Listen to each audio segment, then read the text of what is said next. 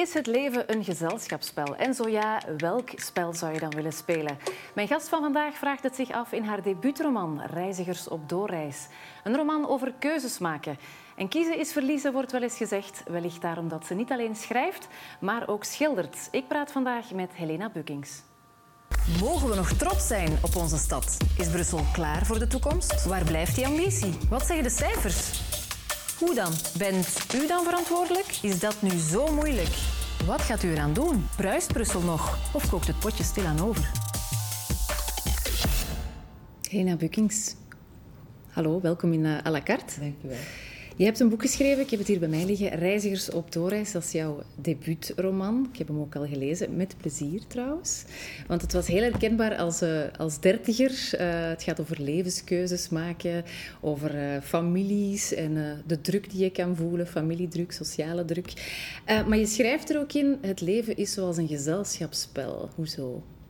Um, ik, ja, ik heb die metafoor gevonden omdat ik dacht, je maakt eigenlijk al heel snel keuzes in het leven studierichtingen. Je kiest vrienden, mensen met wie je optrekt, partners.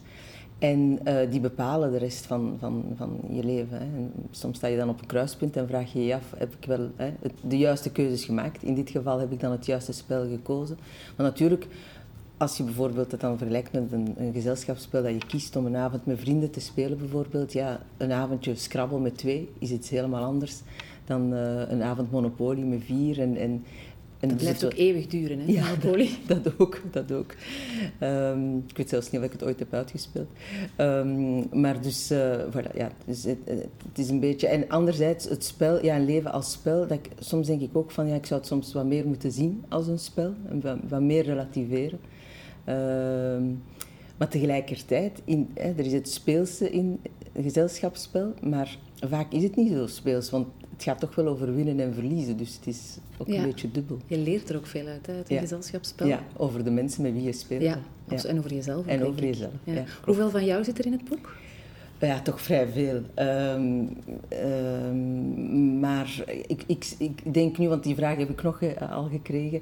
Uh, ik denk bij een eerste roman dat dat sowieso uh, vrij autobiografisch is. En ik zou zeggen dat er zeker een derde autobiografisch is, maar niet geconcentreerd binnen één personage. Dus eigenlijk verspreid over minstens vijf personages, soms kleine details. En dan een derde gewoon geobserveerd. Door de jaren heen. Um, en een derde pure fantasie. Ja, je bent een goede observator, hè? want ik zeg het, het is heel herkenbaar. Er kwamen zaken in voor of, of bepaalde clichés die je vaak hoort, maar dat je wel denkt, ah ja, dat hoor ik ook wel in het echte leven zo. Maar je wou eigenlijk al sinds je zestiende een boek schrijven. Waarom heb je dan nog zo lang gewacht? Ja, het, het, het pijnlijke van de zaak uh, is niet dat ik zo lang gewacht heb, het is vooral dat ik er zo lang mee bezig ben geweest. Mm -hmm. Dus ik ben uh, ja, effectief, de eerste aanzet is van toen ik 16 was. Daar is niet zoveel van overgebleven van dat eerste verhaal. Uh, gewoon de, eigenlijk samenstelling van het gezin, de personages. Um, die hebben echt vorm gekregen dan vijf jaar later, hè, dus dan was ik 21. Um, de namen van de personages, de, de, de, de, de familiestructuur. En dan gaandeweg uh, heb ik daar, ja, ben ik daaraan blijven werken, maar niet dag in dag uit. Dus soms maanden niet, jaren niet, soms. Uh, waarbij ik mij soms zelfs afvroeg van, ja, uh, leidt dit tot iets? Want ik had daar dan al, nou na twintig jaar had ik eigenlijk al heel veel tijd in gestopt. Vroeg ik me af, ben ik nu eigenlijk constructief aan iets aan het werken of verlies ik gewoon tijd? Hè? Um, maar uiteindelijk is het een puzzel die is samengevallen, met heel veel elementen alle puzzelstukken die er moesten zijn, heb ik het gevoel, zijn samengekomen.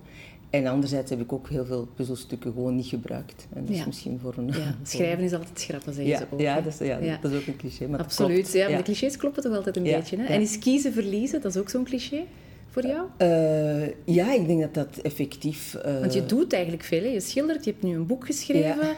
Uh, je werkt eigenlijk in een hele andere sector, de bankensector. Je bent geschiedkundige van opleiding. Uh, ik denk dat er nog een aantal talenten zijn die ik nu niet heb uh, vernoemd. Maar kan je goed kiezen? Ik, ik denk dat ik goed kan kiezen in die zin dat, er, uh, dat ik soms moeilijke beslissingen heb moeten nemen, ook qua, qua werk of, of, persoonlijk vlak, maar dat ik eigenlijk nooit spijt daarvan heb gehad. dus, um, maar het is inderdaad, ik, ik herinner me heel goed, ik had een bepaald werk, de sfeer was fantastisch, hè, bepaald, maar, maar de inhoud was niet zo interessant. En ik ben dan ik, ik, had dan de keuze om naar een andere bank te gaan, met de, waarbij de, de job veel interessanter was. Maar waar ik, ja, ik zou dan mijn, mijn collega's verliezen. Dus inderdaad, kiezen is verliezen. Dat heb ik echt al Je moet meegemaakt. ook altijd iets schrappen of laten vallen. Want je droomde er ook ooit van, en dat was ik even vergeten, om luchtverkeersleider te worden. Ja. Dat is toch ook een bijzondere droom? Dat is een bijzondere droom en die is echt heel lang meegegaan. Uh, dus ik heb effectief na uh, de middelbare school... Uh, was er net een, een, examen voor aspirant verkeersleider bij de regie der luchtwegen. Dus ik, die droom was er van toen ik acht was. Mm -hmm. Waarschijnlijk geïnspireerd door een eerste vliegtuigreis, eh, dat ik gezien heb dat er een controletoren was. En dan is een film, wat er een, een spannende scène was of zo. Dus ik, dat sprak mij enorm aan. En, um, en ik heb effectief meegedaan met die, met, met die examens. Um, en, en daarom, uh, geschiedenis was eigenlijk mijn, mijn tweede keuze. Uh, hoewel ik dat heel graag gedaan heb als studie. Maar uh, ik, er waren verschillende testen en ik ben, ja, ik heb gefaald op wiskunde. Ah ja, maar je hebt wel echt er werk van echt, gemaakt ja, ja, ja, om, in die toren te kunnen het is zitten. niet zomaar een, een, een droom. Het was echt mijn ambitie om, om En waarom wou je dat zo graag worden? Ik, uh, ik, ik denk dat het was omdat er van gezegd werd, en, en dat is effectief zo, dat echt achter de schermen, uh, iedereen spreekt over de piloten en die komen mm -hmm. het meest, uh, dat is zo gezegd het, het moeilijkste aan, aan de, aan de luchthaven. Uh, verkeer en zo, maar, maar dat zijn de mensen achter de schermen die een heel belangrijke ja, rol spelen. absoluut. Jij bepaalt wel of ja. het mag landen of niet. Inderdaad, natuurlijk. en ik denk dat, dat, ja, dat sprak mij aan, Ja. Ja. een of andere reden. Ja. Geeft ook wel een gevoel van controle, denk ik, als je dat mag doen. Ja, ja, ja, inderdaad. Absoluut. Maar je werkt nu in de eh, private banking eh, sector als event manager. Ja. Wat moet ik me daar eigenlijk juist bij voorstellen? Eh, private banking is echt een, een, een niche eh, binnen, binnen het eh, financiewezen, waarbij eh, echt vermogende mensen klant kunnen worden.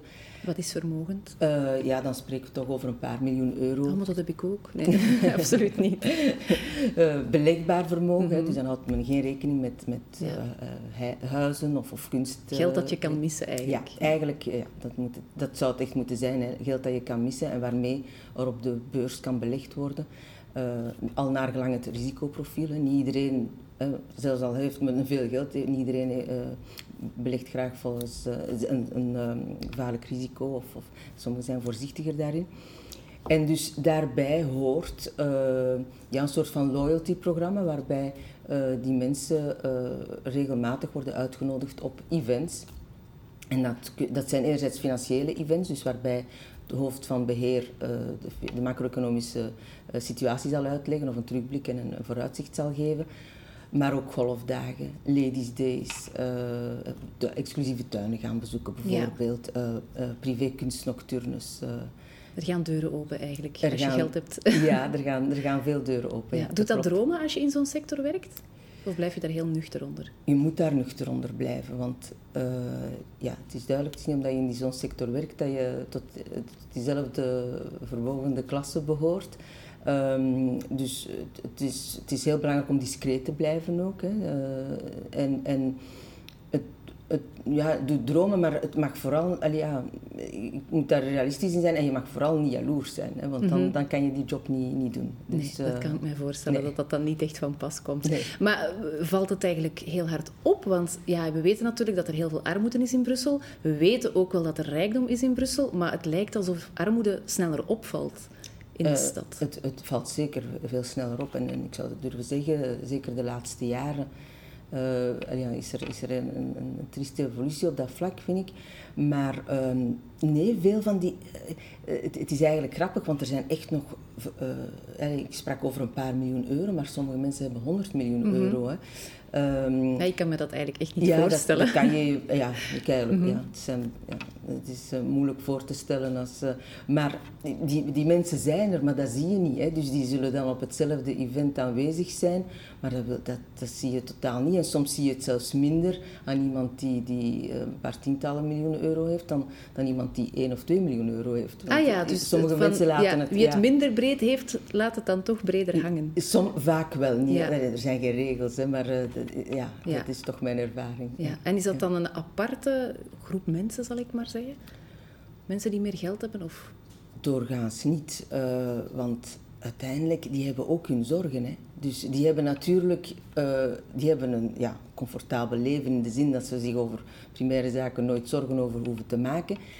Maar uh, met erfenissen of, of bijvoorbeeld een, een, groot patrimonium, maar er, is daar, er zijn een aantal kinderen en één een kind, hè, men noemt dat Porsche-syndroom, uh, zou... Het Porsche-syndroom? Ja, ja zou bijvoorbeeld, hè, men, weet als die uh, op jonge leeftijd een groot stuk zou erven, dat hij dan alles zal opdoen. Dus dat zijn ook bekommernissen voor, mm -hmm. voor, die, voor die ouders. Dus ja, dat zijn misschien luxe problemen natuurlijk. Hè, als, als ja, maar het is wel een zorg natuurlijk. Maar het is een zorg, ja. Het kan, het kan ook een zorg zijn om echt veel geld te hebben. Ja, en een absoluut. Zaak, ja, hoe meer je hebt, hoe meer je kan verliezen ook. hè. Dat is ook een cliché, maar het klopt wel natuurlijk. Hè. Um, maar op zich heb je ook wel een interessante werkplek, zal ik maar zeggen, uh, om met jouw werk naar buiten te komen? Of hou je dat ook liever gescheiden? Dat hou ik totaal gescheiden. Ik heb uh, aan mijn collega's laten weten dat, uh, dat, ik, dat mijn eerste roman is uitgekomen. Ze weten ook dat ik schilder.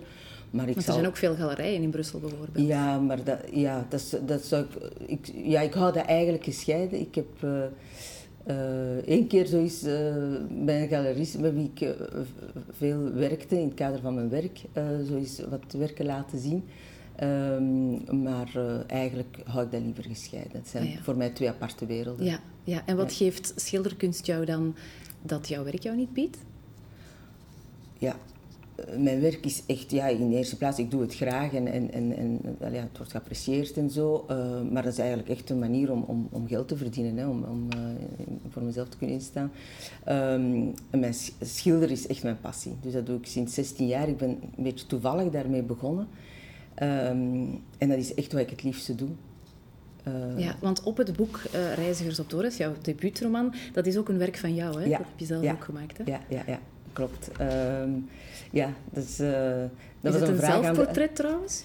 Uh, nee, ik, dat is een goede vraag, omdat um, uh, de meeste van mijn schilderijen hebben een, een, een, een, vrouwelijk personage met donker haar en altijd opgestoken. Mm -hmm. En ik heb mijn haar ook altijd opgestoken. Dus men vraagt altijd over de schilderijen, ben jij dat?